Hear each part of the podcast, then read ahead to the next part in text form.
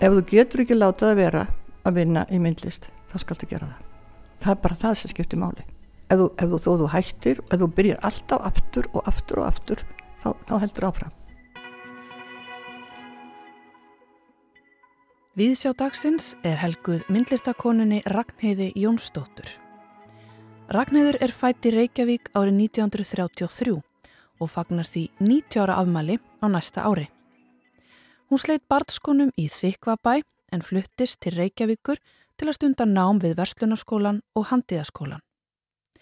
Eftir nám starfaði Ragnæður á skrifstofu Reyvils en stundaði einni nám við myndlistaskólan í Ásmundarsal. Síðar sóti Ragnæður námskeið í myndlista á Handiðaskólanum en einnig í Kaupanahöfn og París. Ragnæður prófaði sig áfram með ólíuliti og keramík en vendipunktur var það hennar ferli þegar hún uppgötaði grafíkina. Hún hjælt sína fyrstu síningu á grafíkverkum árið 1970 í Unuhúsi og það var einmitt á sjönda áratögnum á tímum Rauðsokkana sem Ragnæður fann sína rött. Sko uppalega byrjaði 17 ára, það liði 20 ár, þanga til ég fór til Parísar og gæt farið að sinna í raun og sjálfur mér og þá gæt ég sitt myndlistinni. Þetta var alveg reynd sko það sem að breytti öllu hjá mér í sambandi við myndlistina.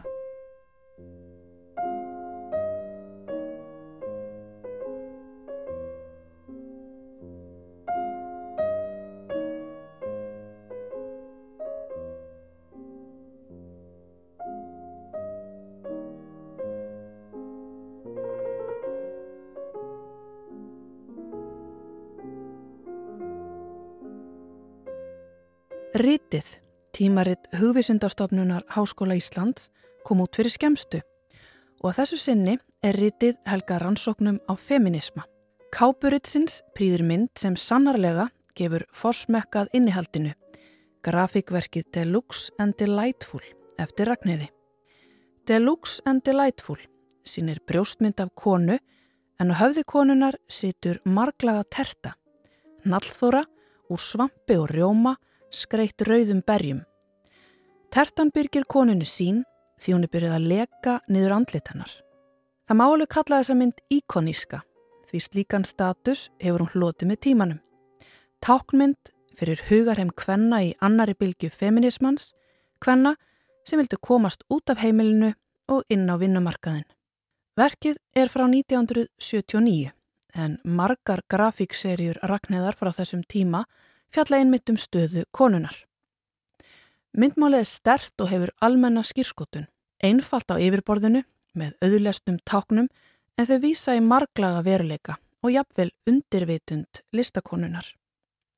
Verkin eru pólitísk en þau eru líka persónleg.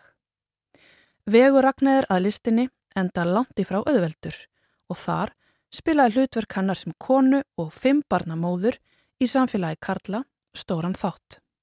Í myndinni Deluxe and Delightful sjáum við konu sem er blinduð af köku. Er hún först í kökunni eða er hún sátt við að sitja undir henni? Myndmálið er stert og um leið órætt. Það er léttleikið í myndinni en á sama tíma er hún sorgleg. Það er fyndið að vera fastur í rjómatertu en samt ekki.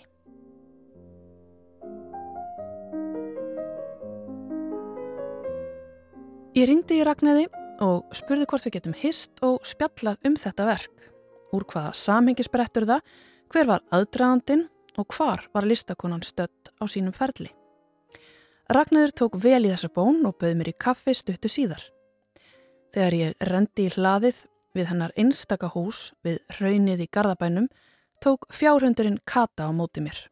Húsið teiknaði Högna Sigurðardóttir fyrir þau hjónin en Högna var frænka Hafsteins, eiginmanns Ragnæðar. Ragnæður er ansi vön gestagangi því reglulega sækja arkitektanemar viðsvegar að úr heiminum hana heim til að kynnast húsi högnu sem þykir með þeim merkilegri frá síðustu öld. Við Ragnæður settumst niður við kertaljós í novemberrökkrunu en á eldursporðinu lágu myndlistarkatalókar, viðtöl og greinar. Á einum stað fundum við eftirprent af Nallþórukonunni og ég spurði Ragnæði út í hugarheim verksins.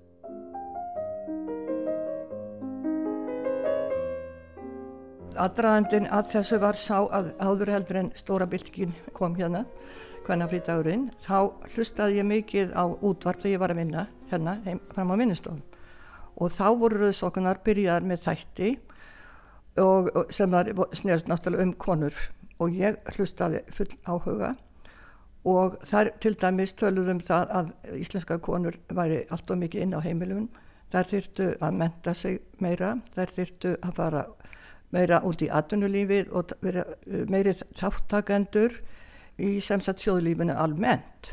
En það sem að fór í skapið á mér, það var það að mér fannst að tala niður til heimavinnandi húsmæra. Þar varu forbókaðar, þar varu illa mentaðar og það fylgst ekki með. Og þetta særði mig. Og ég var svolítið bara reið. Og ég held að uh, það, það hafi, þetta, þessi þætti kveiktum ég í, svona, ég veldi hlutunum ekki fyrir mér. Í sambandi með mína stöðu, frem að þessu þá var ég afskaplega ánað, ég var nýbúin að fá vinnu aðstöðu hérna heima hjá mér. Þannig ég þurfti ekki að fara neitt í burtu til að vinna og, og ég var afskaplega ánað með mitt hlutskipti, ég gæti synd börnarnum mínum og, og myndlistinni samtímis. Mm -hmm. og nýtt tíman vel því að það er frábært að hafa vinnustofu heima. Þá getur maður, ef maður vaknar á nóttinni mm. fer maður bara frá minnustofu og hefur það skemmtilegt. Í alvöru. Og svo gerist þetta það, það, það er eh, mikil gerjun sambandi við hvem fólkið og það er allt í hennu bóða til þessa fundar á lækjartorki og ég var svolítið sen fyrir þannig ég hafði ekki tækifæri til að ringja í einhverja vinkonu og vera samverða, ég fór bara einn og ég náði mér í góðan stað utan á gyrðingunni í kringum stjórnaráðið. Þannig maður gæti stað upp á einhverju svona steiftri brún, ég sá svolítið betur. Mm. Og þá blast, blastu við rauðsókunar að syngja áhranstelpur.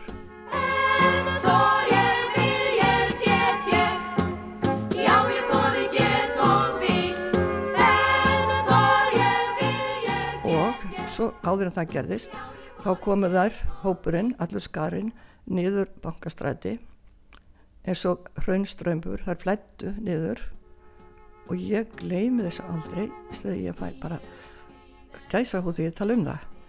Ég fann að þetta var mér fannst þetta að vera bilding og þetta einhvern veginn hafði svo sterk áhrif þetta voru allt konur, konur, konur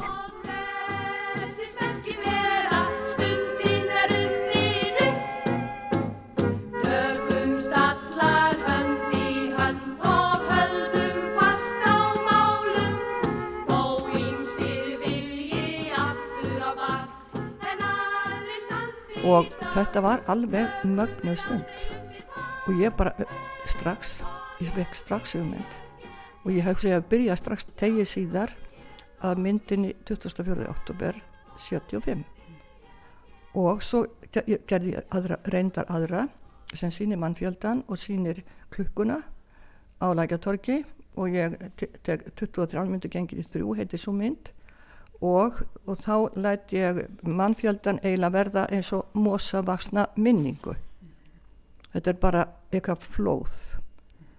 Og þetta var nú byrjunin á þessum pælingum mínum. Nú svo bara hjælt maður áfram og ég gerði kjólana og svo þrem áru setna þá hittist svo á að við hjónum fyrir mig frí til, til New York og síðan til Kanada og, og, og vorum að heimsækja þar eh, skildmenni og í gegnum það var maður sem var hérna, frendi massins mín hann tók á mót okkur og þennan tíma sem við vorum þá vorum við að hitta hans kunningja og hann var að sína okkur umhverfið. Og þá meðal annars þá hittum við konu og ljómandi myndalega unga konu og við erum bóðinu heim til hennar eða þeirra. Og hún hérna var, hún var píanokennari að ment hún hætti þrjú börn góðan mann, bjóð mjög fallegu húsi og sem satt virtist hafa það afskaplega gott. Svo erum við einar þarna einn daginn, smá stund, ég er heima hjá henni og þá kemur hún með bunga af albúmum að sína mér og ég held að hún ætla að vera að sína myndir af börnunum eins og fólk gerir oft. Nei, það voru kökunar hennar. Hún talaði ekki um neitt annaði kökur allan tíman. Þegar við fórum út að borða þá heyrðum við að, já, my cakes, my cakes og mér fannst konan bara mjög stór skritin og þegar ég kvart hana þá sá ég tertuna á hefðin á henni. Þannig kom þessi hugmynd. Ég gati ekki glemt henni og þegar ég kom heim þá fór ég að byrja því á þessari mynd. En ég setti sjálfa mig undir kökuna því að, að hérna hún, sko þetta er, hún er svo tvírað þessi mynd.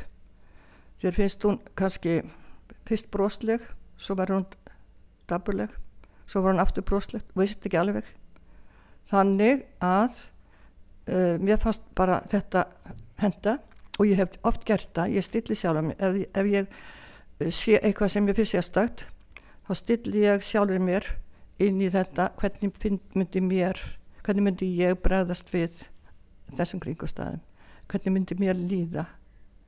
Skilu, hvernig myndi ég upplifa þetta? Mm -hmm. og þannig verða verða marga myndina til. Mm -hmm. að ég sé eitthvað og ég losna ekki við að ég er alltaf að hugsa um það og svo er allt í henni sett ég sjálfa mig inn í þetta og reyni að tjá svona hvernig, hvernig þetta virkar fyrir mig.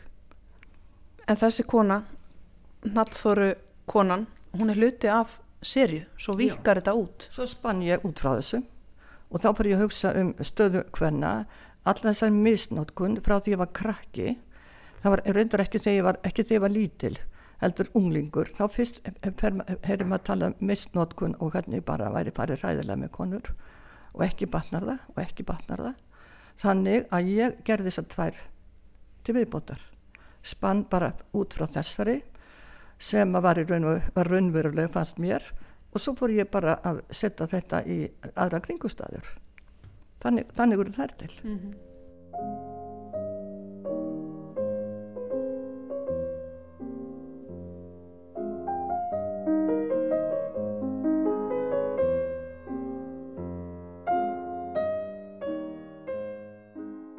Ég byrjaði 17 ára. Sko ég þráði þetta frá, frá því ég var krakki. Ég var alltaf að teikna og venjulega þá hætti að börn að sko þeim fyrst allt í hennu þegar þau kannski týra gömur þá hefði þeim allt eitthvað astnalett sem þau gera og þá hætti að þau teikna kannski. Ég jóka þetta alltaf meir og meir og meiri og meiri áhugin sem betur fer hafði ég tvo góða kennara því ég var í Gagfræðaskóla Östubæjar alveg stórfínir og síðan fer ég Vestló þriðabekk og þá er nú bara handið að skólinn hvorki meirin í minna bara nokkrum metrum frá Vestlandskólanum gamla við grundastík og ég panta tíma og byrja og vinkona mín með mér og allar á eiga dásanlega metur og vorum að teikna bara eftir mótilum og allavega hana svo fannst mér kenna það svo reikalega leiðilegur og bara mér fannst leiðilegt í þessum tíma. Og vinkona mín var svo nexlu hún hætti, ég bara kem ekki fleiri tíma hann og ég sagði, nei, ég ætla að vera samt til bors, ég ætla ekki að gefast upp. Annars fer ég aldrei í myndlist ef, ef þetta er svona leiðinlegt. Jæja, svo er ekkert annað að kennarin þarf að taka sig frí og þá er fengið þarna ungum maður Erró, Guðmyndur Guðmundsson til þess að kenna okkur í viku. Það breytti bara eins og maður segir, það breytti öllu hjá mér allt sem við innbyrtum á einni viku, hann kom í slætsmyndir, kynnti fyrir okkur hérna heimslistina, sko, talaði um þetta af svo mikil, miklum áhuga og svo mikil, sko, það gerði þetta allt svo spennandi og þegar fólk vinnur af svona brennandi áhuga, eins og hann hefur náttúrulega syngt alla æfi, hvað hann er alveg ótrúlegur, það smita svo út frá sig svona kennarar. Mm -hmm. Og ég var bara hamingjusum eftir þessa einu viku og ákvaða að halda áfram í myndlist Æja, svo klára maður Veslu náttúrulega og giftum okkur daginn, fyrir, nei, daginn eftir útskriftina og barnið fættist, fyrsta barnið eh, fjórum mánuðið setna. Þannig þetta var mjög vel skipulegt allt saman. En þá kom alvara lífsins og við ákvaðum það, eigin maður vildi fara, hann fór í tannlækningar og ykkur þurfti, hvernig áttum við að kljúa þetta? Áttum ekki einsering og við fengum leikt hjá foreldri mínum í kjallarannu, það byrja allir í kjallara eða bílskúrum eða einhverju. Og síðan þá ákvaðum við að ég myndi eh, vinna fyrir heimilinu og Hafstein, maðurinn minn, hann var bekkjabráðum og Vestló og hann segist að byrjaði og ég vann úti uh, í fimm og halvt ár bara til þess að við getum lifað af. Og síðan sildum við til Kaupanafnar og þá erum við komið með annan, við áttum eh, fyrst hérna, já, eitt strák. Og þegar hann er sex ára þá syklum við til Kaupanafna, þá er Hafstinn búin að ljúka sín námi. Og við erum svo heppin, það er svona eins og í ævindirum, við vorum, höfðum enga íbúð og við vorum svo bjartsinn, við ætlum bara að vera á pensjónati með varum að finna íbúð. Það er alveg glæfralegt. Með tvo litla stráka. stráka. En daginn áður þá er í okkur okkur bóðið einbílishús til leigu út í Sölröð fallegasta hverfi í Kaupmannu ábyggilega. Og þarna förum við allt í einu bara í, mér finnst, mér finnst það bara að vera höll því að við vorum fyrst, byggum fyrst í kjallara og svo kiptum við okkur bílskur sem alltaf hafa verið búið í sem var þannig bara alveg hliðin á eh, húsi fóröldra minna. Og sem sagt þegar við komum til Kaupmannahöfnar að þá, þá fer Hafstinn í framhalsnám í tannlæknaháskólanum og við vorum þarna rúmt ár. Ég fór aftur inn í hérna í, í Gliptótekið með sapnið og þar var dansku myndlistamæður Asko Jensen hann var með teknitíma og ég, við legðum í það var svona hverfisblad með alltaði barnabíu og, og hérna og þá strax svarað kemur lítið stelpa, 15 ára og segi ég og heima hérna efst, efst í gödunu og hún vil passa fyrir mig. Þá ringir mammenar og spyr má, má hún bara ekki koma með barnið og vera hjá mér maðurinn var forstjóri ég veit ekki hvar og þau byggu í glæsilegu húsi og mjög stórum og fallingum gardi þetta var alveg svo bara hjálpa himnum ofan. Það er svo ég kann farið alveg rólega klukkan nýja á mótuna, ég held að skólinn hafi verið til, til klukkan þrjú á daginn og svo þurfti maður alltaf að fara með lestinni heim báða syngvar leiðina. En þetta var bara alveg magnað bara þetta rúma ár sem vorum hvernig þetta hefur sterk áhrif Þannig ertu búin að vera ná ótrúlegt en satt, tveggja mm. barna ung móðir, mm -hmm. ná að læra meira í Kaupmannahöfn og einbita þeirra myndlistinni. Já, já. já og byttu nú við. Svo var ég ófrísk þannig og, og það náttúrulega sást ekkert með ég var í skólanum.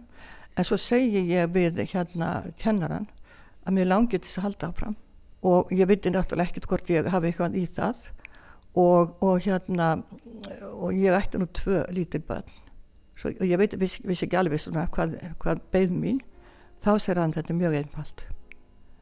Ef þú getur ekki látað að vera að vinna í myndlist þá skaldu gera það. Það er bara það sem skiptir máli. Ef þú, ef þú, þú hættir, ef þú byrjar alltaf aftur og aftur og aftur þá, þá heldur áfram.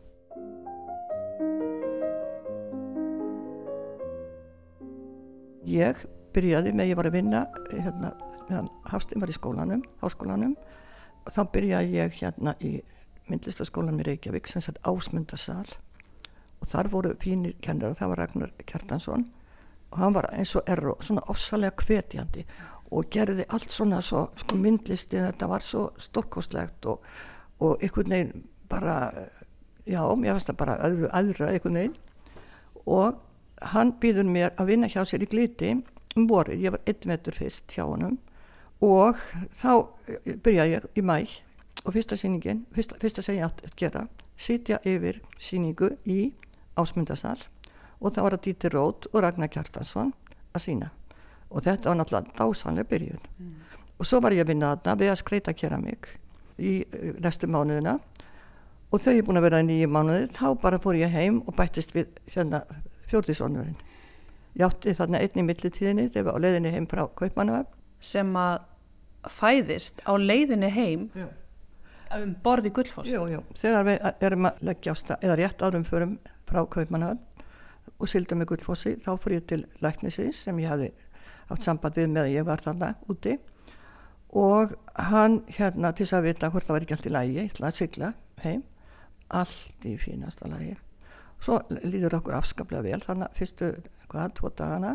Ég veit mann og ekki hvað maður var lengi á liðinni en svo gerir svo brjála veður villi Færiða og Íslands og ég get svar, ég held að skipi væri að farast, það tóldi ekkert að borðum.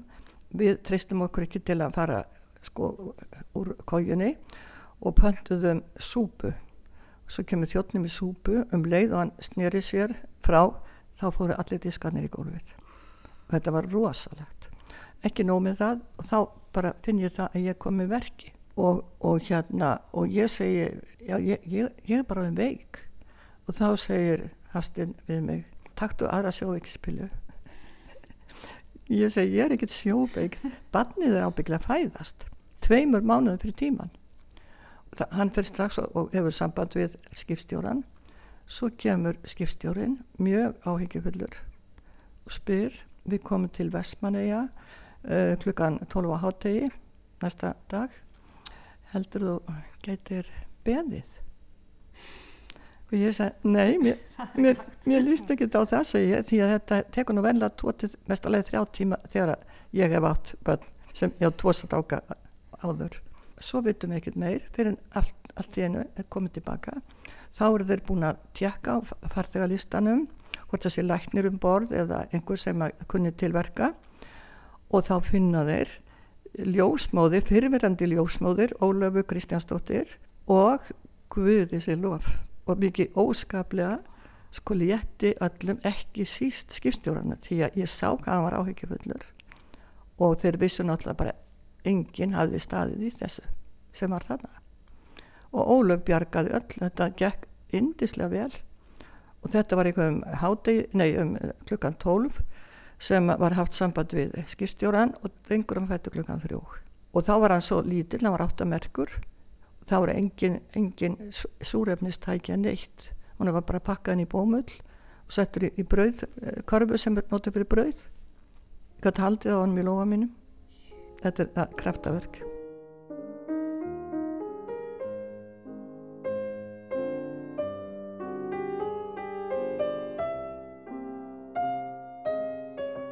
Þannig að þið eru að koma heim 62 frá Kaupanhöfn, þú er búin að læra meira Já. með þrjá litla stráka Já. og heldur ótröð áfram Já, að vinna í myndlistinni.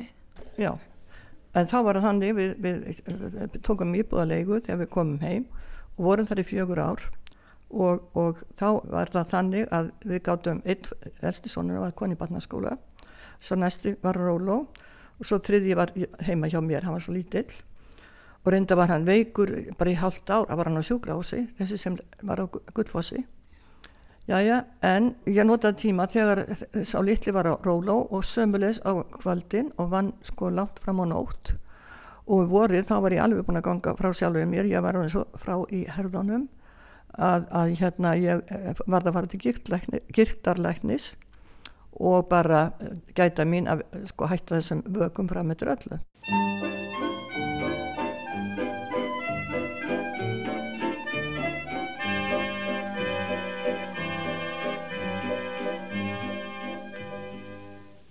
sko uppalega byrjaði 17 ára alveg 20 ár þanga til ég fór til Parísar og gatt farið að sinna í raun og sjálfur mér.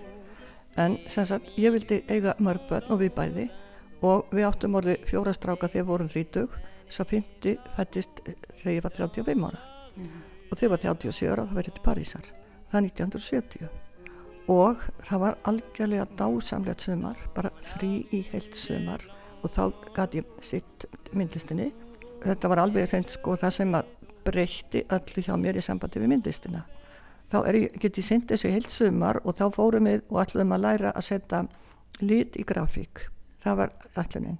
Og þarna var mikil fjöldi af útlending og það var mest japanær og svo voru það indverjar nokkrir, það voru yfir kallar ungir kallmenn og svo var bara tveir, þrýr amerikanar tveir norðlandabúar og svo við við heldum við getum bara sko eftir okkur í fransku það er nú lært smá í skóla.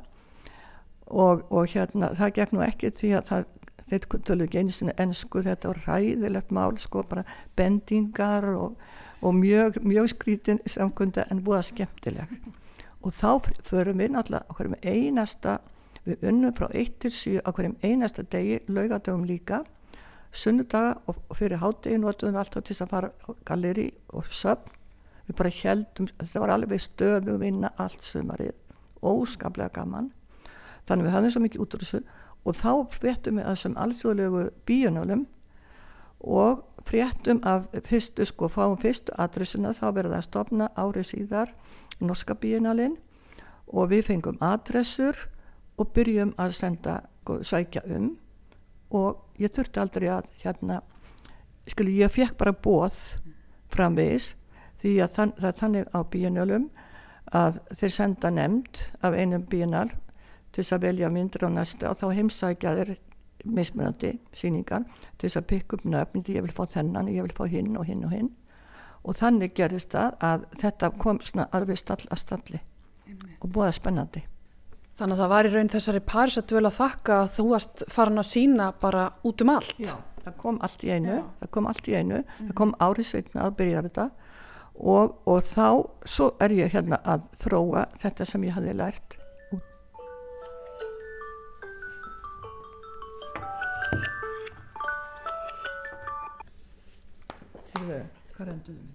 Við vorum staddar í París 1970 og sem verður til þess þessi tvöl að þú ert farin að sína bara fyrir utan landsteinana sem var ekkert sjálfgefið á þessum Nei, tíma nei. 1970 en það sem ég langaði líka að spyrja þig sko að koma úr Reykjavík þessa tíma fimm badnamóðir ung. Já, og allt í einu ertu ein í Já. París, heilt sumar og færð að vinna við það sem þig langa til og hefur dreymt um svo lengi frá mótni til kvölds, allan sólaringin Já, já, eiginlega, var þetta ekki alveg. magnað? jú, jú, þetta var magnað og ég gæti alveg slappað af því að sko við, strákanir okkar tveir þeir voru Östrivík í Mýrdal hjá um, um, föðu sýst sinni sýstir Hafsteins og tveir voru hjá pappa og mömmu og svo elsti var hérna hjá pappa sínum. Þannig ég gæti algjörlega slappað af annars hefði ég ekki notið þess. Alls ekki sko. Og þetta var svo dásanlegu tími maður lifir á þessu bara alla, alla æfi og svo gerist það þarna strax þegar ég kem heim eða árið setna að þá kemst ég inn á fyrstu sýninguna það er bíinalinn í Noregi og svo kemur þetta bara bóð mörgum áttum og svo bara strax fæ ég viðurkenningu 1974 og það er frá Pólandi, minni mig mennsjön, kallaðir það. Það er svona eitthvað svona, já, bara, já, jákvætt já, já, bara allt í lagi með þessa. Og, og svo og, og ég var ekkert fann að sína enga síningu, skilur í grafík. Og það er ekki fyrir 76 sem að ég hérna síni í Norræna húsinu. Og það er fyrsta enga síningin og þá hugsaði ég sko ef að ég fæ slæmadóma þá er þetta bara búið. Ægileg tragedía. Ég var komin í ykkur svona stemningu. Við mig góður, ég var að sína ólétta kjóla. Ólétta kjóla uh, sýninguna, nei myndirnar af, af hérna, hvernig frídeginum, rúlugardínurnar stöðvið heiminn og ég veit að ég verð nú nýtt niður sko, þá er þetta bara búið. Jæja, en þe- þegar ég opnaði sýninguna þá var ég búin að fá verðlönd fyrir kjólana úti í Freyhjen í Þýskalandi. Þannig ég hestist nú, þetta var skömmu af þessi fyrir þetta þessu. Þannig að þetta náttúrulega gefur ofslega mikla kvartningu þegar að mér, maður er sko svona einangraður, svona eilandi langt í burtu og einhvern veginn bundin líka, ég var náttúrulega ofsalega bundin.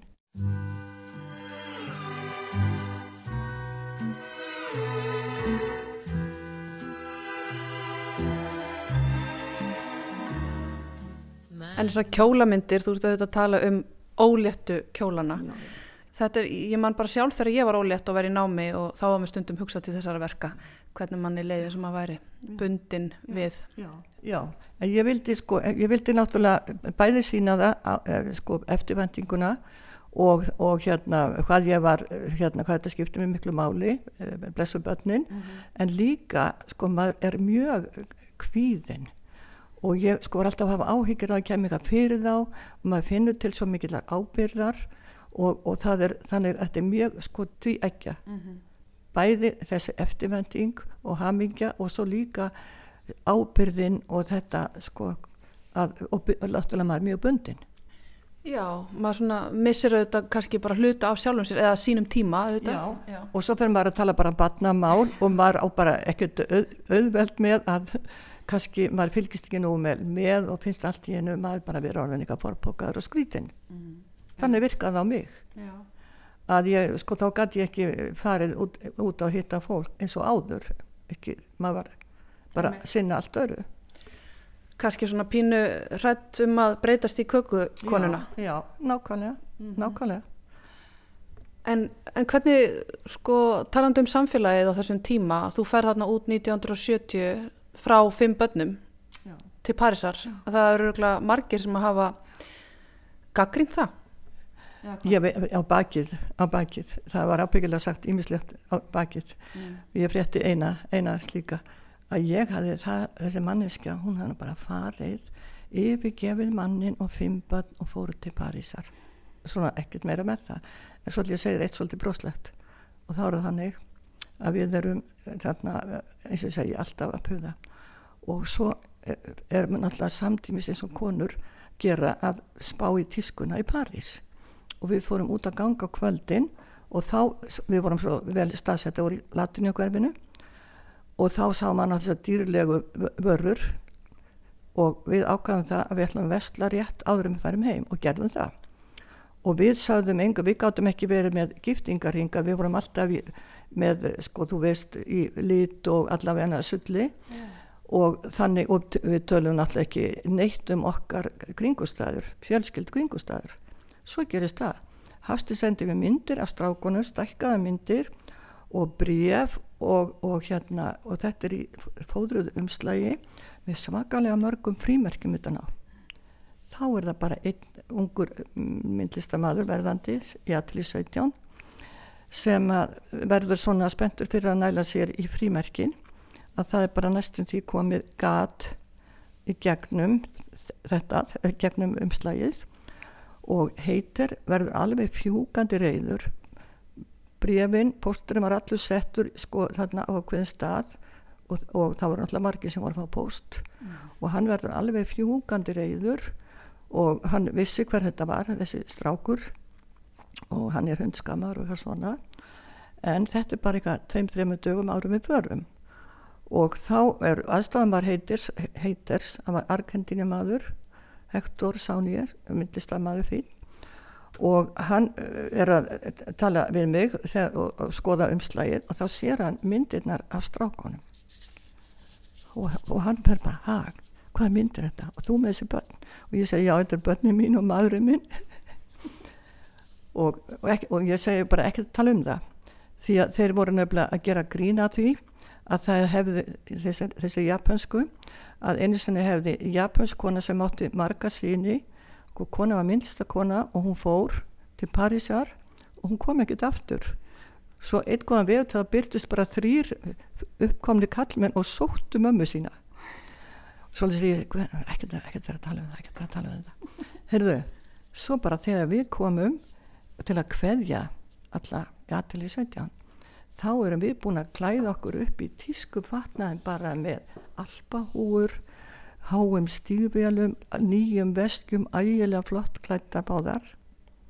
Og ég gleymi þessu aldrei, þetta var svo hlægilegt því að, því að þá, er, þá er hann, þessi Hector, hann er búin að segja þeim öllum af þessu, hvað haldið þið bara, önnur þessa íslenska, hún á fimm börn og hinn á eitt börn.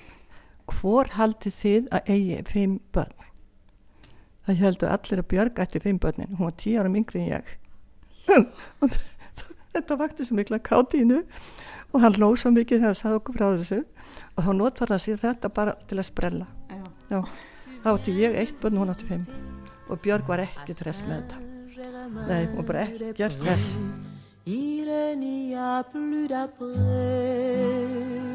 à Saint-Germain-des-Prés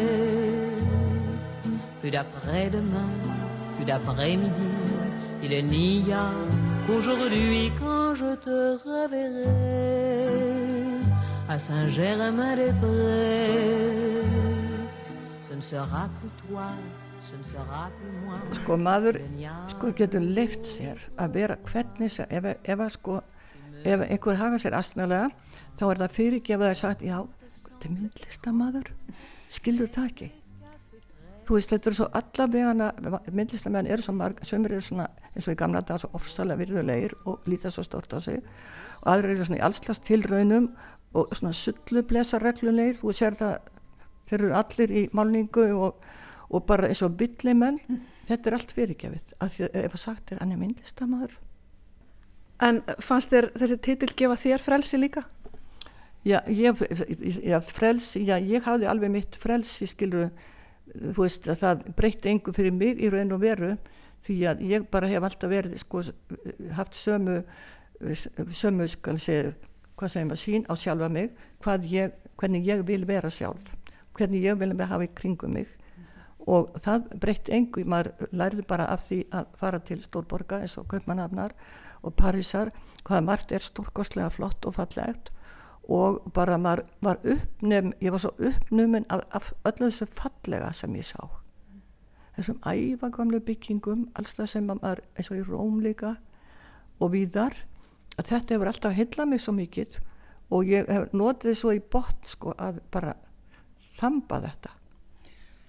Nú ertu sjálf alveg upp í sveit þykkabænum þannig að þetta eru ansið miklu kontrastar hérna sem við erum að tala um.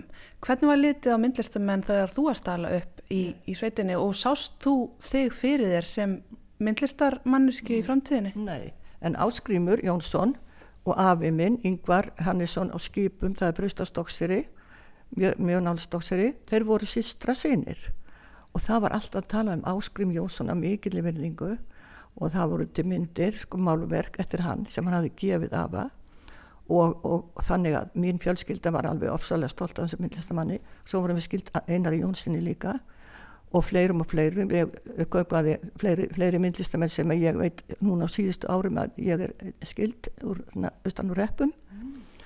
já já en heima í, í þannig að þykkabænum það var náttúrulega fyrsta eða eina sveitaþorpið á landinu.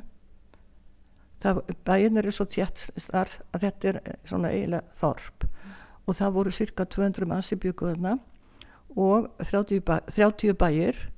Og það var fínt samkomi hús og skóli mjög fallið sko, einn kennslustofa og einn kennari sem kendi öllum aldersflokkum þannig að maður var halva mánuð í skólanum og halva mánu heimátt þá átt maður læri eitthvað sem hann setti. Og þá voru litlu börnin með þeim eldri og þessu vísla sitt og hvað.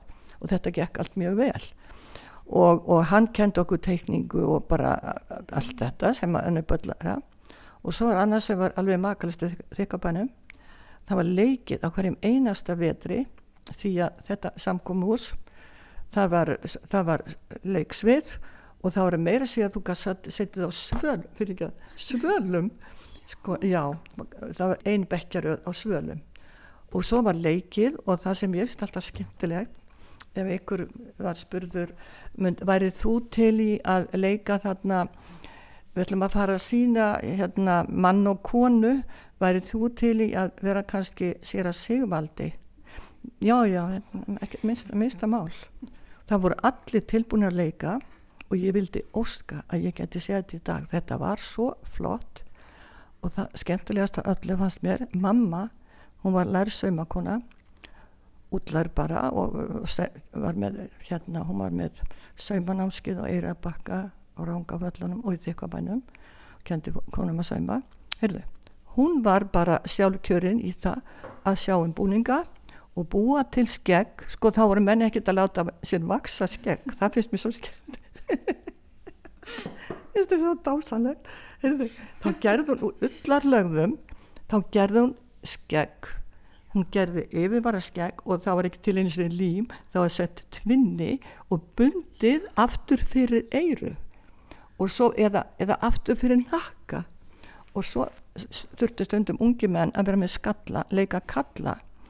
Og þá sett hún silkisokkar, það voru ekki næli og silkisokkar á höfuðið á manninum klifti svona eins og húu og svo kemdi hún ullar lagða og gerði hérna kransin í kring og svo sást í toppin á hennum sko það var, það var berskallin og svo, og svo var, svo var hérna sýsturinn að mömmu. Hún var vinnukona hjá okkur einn ein vetur og hún var bara tvítut hún var beðnum að leika ráðskonu bakkabræðra sem var, var skemmtileg stykki. Það var minnst að mál og hún verið sér þurft að syngja. Svo hlustaði ég á hana vera að sko fara yfir textan og læða textan ég kunni þetta allt utan bókar ég kunni líka hérna söngvana. Og þannig að ég var alveg á kafi í þessu öllu. Þá er ég bara smá stelp innan við fermingu. Og það er kirkja náttúrulega þarna eða var, jú það er annu kirkja núna. Og þetta var ótrúlega sko mm -hmm. hvað var eiginlega bara mikið um að vera. Mm -hmm svo bara getur maður grátið að maður kemur þarna núna því að það er bara örfáir eða saman þetta var allt breyss og ekki, það var vestlun þarna maturvestlun, það var sláturhús það var hægt að kaupa vefnaveru á tveimur stöðum inn á heimilum í borstofinni já, borstofan borðið hér og svo hillur og það var vefnaðavaran svo var ein, eitt lítið hús og það var engöku vefnaðavara þannig, svo bara hvarfið þetta allt. Bara ótrúlegt. Og það var bensinstöð við þetta í dag er ekki, þú getur ekki kæft eina mjölkurferðin, þú getur ekki kæft bensin, þú getur ekki kæft neittar Breytir tímar. Já, en það gerðist, þegar menn fóru að rekta svo mikið af kartöblum, það gekk svo vel. Og, og hérna eh, Jón Óskar eh, kjörfæði minn, hann var annar þeim fyrstu sem kæft sér traktora. Mm. þá kæftuði vila til að taka upp kartöblunar og þá breytir þetta svo mikið öllum búnaðarháttum að þeir eh, sko fara að rækta svo mikið að kartablum og það gengur svo vel og um það leiti flítjum við foreldra mínu í bæin mm. og þá var það þannig, fettum við eftir á að sömur menn vildu sko minga bústaf, það voru kindur, kýr, hestar, hænsni og ég veit ekki hvað og hvað. Við til dæmis seldum egg, við vorum með 200 hænsni og tímabili. En svo bara fer fólk að minga hérna, búskapin og þá þurftu mennir að fara í sigöldu eða verðt í Vestmanni og þá breytist þetta allt. Mm -hmm. og svo fyrir fólk bara að flytja í burtu og allt snýst við einhvern veginn. Það er alveg sorglegt. Þetta eru skemmtilega minningar, minningar. skemmtilega minningar. Já, já. og nú sittum við hérna heima hjá þér á þínu heimili í Garðabænum já, sem eru þetta dásanlegt hús, það var eftir að gera heilan þátt í viðbót bara um þetta hús. En hérna þú ert hérna með vinnustofuna hérna heima. Og það tók nú sinn tíma að taka þér pláss inn á heimilinu Já. og það lítur að skipt sköpum að fá þessa vinnustofu.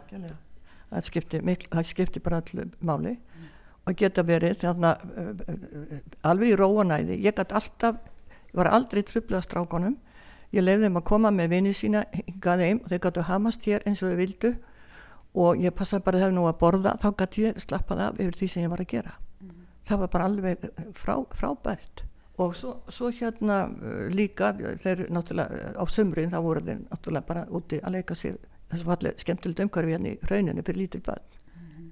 alveg dásamlegt. En þetta lítur að vera ákveðin línudans að reyna að búa til myndlist og alveg þessar fimm drengi já, eins og já. þú er náttúrulega líst fyrir mér hérna. já, en uh, hvað svona þú sagði mig frá þessum kennara í Kaupmannöfn sem sagði það að þetta væri ekkit nema þrautsega það mætti aldrei gefast upp hvað ja. er það sem hefur drifið áfram? Hvernig, hvernig hérna, viðheldur þessari, þessum viljastyrk? Jú, þetta, þetta er bara þetta er svo mikil indisauki og ég vil segja reitt ef að, ef að sko, eitthvað sem að kvildi á mér sem svo gerist náttúrulega í all, allt lífið stundum er gaman og stundum, stundum ekki. Koma ykkur á ykkur, ykkur, ykkur sem að þarf að hafa áhyggjur af.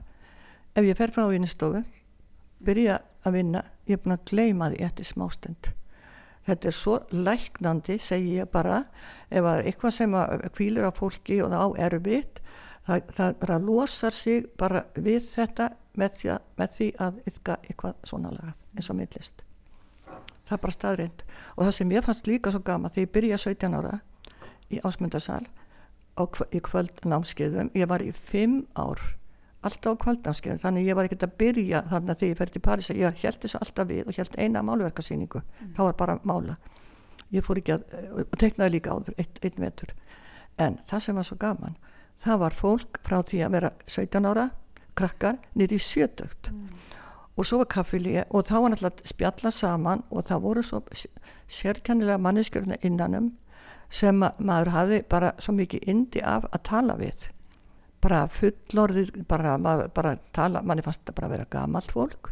Sko, un, ungu fólki finnst 17 ára finnst 30 vera hund gamal já, já. Já þannig að það var líka svo gefandi fannst mér. mm -hmm. alveg dásamlegt.